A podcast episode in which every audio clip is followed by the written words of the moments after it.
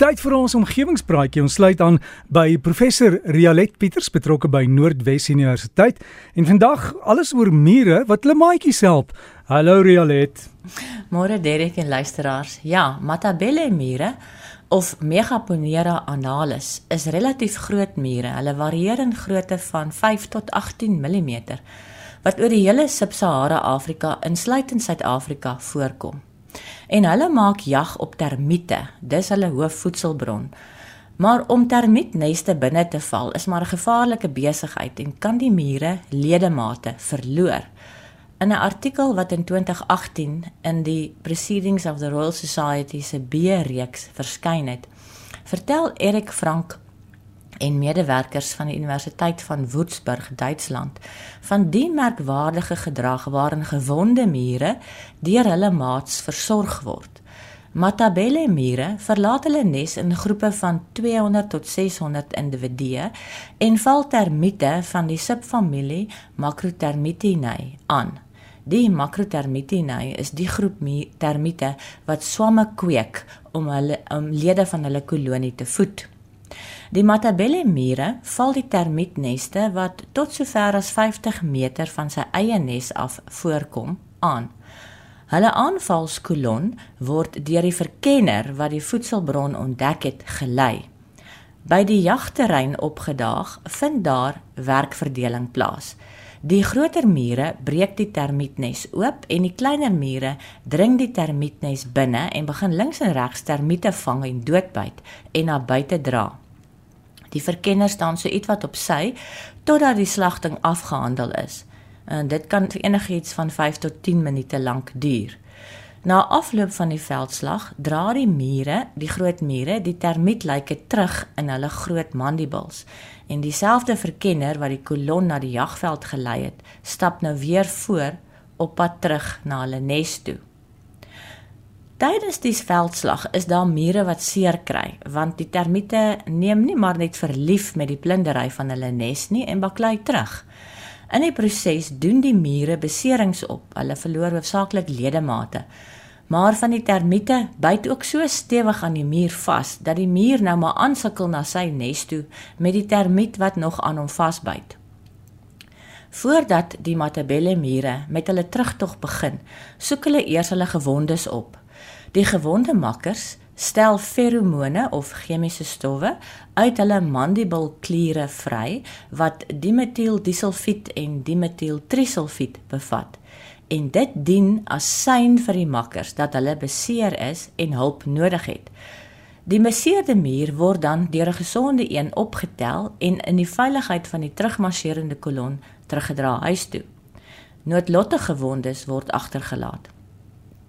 Gewonde mure wat alleen probeer terugkeer nes toe, sterf in 32% van die gevalle op pad terug. As 'n muur net een of dalk twee bene verloor het, kan hy wanneer hy moet wel by die terugmarsjerende kolon se tempo byhou. Maar wanneer hy tussen sy maats loop, loop hy so bietjie stadiger en val self so nou en dan om om aan te dui dat hy eintlik gewond is en so verder die gesonde maats aanmoedig om hom terug te dra. Dit is dus nie net die afskeiding van die help my feromoon wat die maats aanmoedig om die beseerde te dra nie, maar ook die gedrag van die beseerde muur. Die beseerde moet dit ook vir die redder maklik maak om hom te dra. Hulle moet hulle oorblywende pote opkrul en 'n papie houding naap om die dra-aksie te vergemaklik. En skynbaar doen die noodlottige gewondes dit nie. Gewonde mure probeer dus so gou as moontlik terugkeer in die rusposisie voordat dit die help my feromoon vrystel. As hulle nie daartoe in staat is nie, word hulle nie sommer opgetel en teruggedra nes toe nie. By die nes aangekom, word die mure waaraan daar nog termiete vasgebyt sit, deur die nesmaats gehelp om van die termiet ontslae te raak. Hulle byt stukkies van die termiet af en word die gewonde gerehabiliteer. Mure wat ledemate verloor, kan hulle voortbeweging na 'n 4 of 5 been stappie aanpas binne net 24 uur en kan hardloopsnelhede soortgelyk aan die van die gesonde mure handhaaf. Dis natuurlik voordelig vir die muurkolonie om na sy gewondes om te sien, want so handhaaf hulle die geskiktheid van hulle kolonie om voort te bestaan. Maar die navorsers het oorlewende mure in die kolonie aangetref met maksimum net 3 bene wat af is. Dit lyk dus asof mure wat 4 en meer bene verloor, te noodlottig beseer is en nie herstel nie. Beseerde mure word binne die eerste uur nadat hulle by die nes opgedaag het 110% keer meer kere betas deur hulle nesmaats. Hulle doen dit met die antennes as gesonde mure. En die meeste aandag word aan die beseerde area bestee. Die oorblywende deel van die stompie word in die lug opgehou en die nesmaats ondersteun die stompie met hulle mandibles en voorste paar pote terwyl hulle aanhoudend die wond vir tot 4 minute lank lek. As die gewonde muur nog 'n termiet het wat aan hom vasbyt, trek sy nesmaats aan die termiet terwyl hy in die teenoorgestelde rigting beer. Soms moet die nesmaats die termiet afkou en dit doen hulle deur aan die eerste borsegment van die termiet te byt wat daartoe lei dat die kop van die termiet soms bly vassit aan die gewonde muur. In een geval is die gewonde muur 2 weke later opgemerk met steeds die termietkop aan sy lyf vas maar meestal is die hele termiet binne 'n uur van die gewonde muur af verwyder.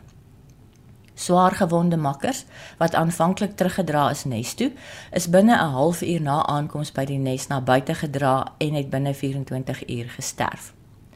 Die wondbehandeling wat die beseerde mure van hulle nesmaats ontvang, help dat die wonde nie ontsteek en geïnfekteer word nie. Hulle haal dan eers die gronddeeltjies en ander afvalstukkies uit die wond uit. Hierdie wondlek behandeling van die nesmaats lei tot die herstel van tot 80% van die gewonde mure. In verdere eksperimentele werk het die navorsers mure opsetlik beseer deur 'n poot af te knip met 'n steriele skertjie en dan die helfte van die mure aan grond blootgestel om hulle wonde te infekteer. Die ander helfte se wonde is nie geïnfekteer nie. Hulle het die helfte van die geïnfekteerde en ongeïnfekteerde mure teruggeplaas in hulle kolonie en die res in steriele omstandighede in die laboratorium aangehou. Hulle het bevind dat die mure met die geïnfekteerde wonde en wat nie in die kolonie teruggeplaas is nie, statisties betekenisvoller groter mortaliteit gehad het as die wat nie geïnfekteerde wonde gehad het nie of die waarvan die wonde geïnfekteer is maar wel deur die nesmaats behandeling kon ontvang. Die navorsers het opgemerk dat die beseerde mure wat in die nes teruggeplaas is, se wond eers skoon gemaak word met die hulp van die monddele van die versorger muur en dan het die versorger afskeidings van sy eie of die beseerde muur se metapleuraal klier versamel en dit aan die wond gesmeer.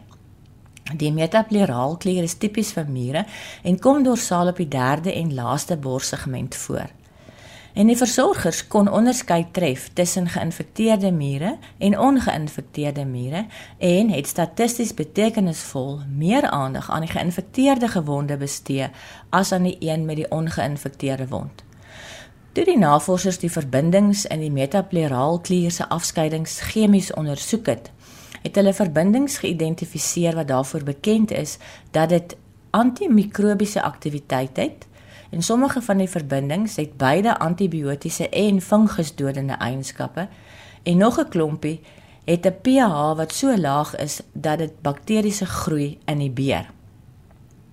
Die navorsers het die bakterieë wat die meeste wondinfeksie van die mure veroorsaak, geïdentifiseer as Pseudomonas aeruginosa wat ook bekend is daarvoor dat dit wondinfeksie by die mens veroorsaak. Ek het op omgewingspraatjies se Facebookblad foto's geplaas van hierdie Matabelle mure en ook 'n videoetjie waar 'n mens kan sien hoe die wondversorging plaasvind. Gaan kyk gerus. Realiteit baie dankie vir daai storie oor die mure. Wel, die navorsing oor die mure, gaan kyk gerus dan op die Facebookblad omgewingspraatjies of by die Breakfastblad ons hulle daar ook plaas. En uh, professor Rialet Pieters van Noordwes Universiteit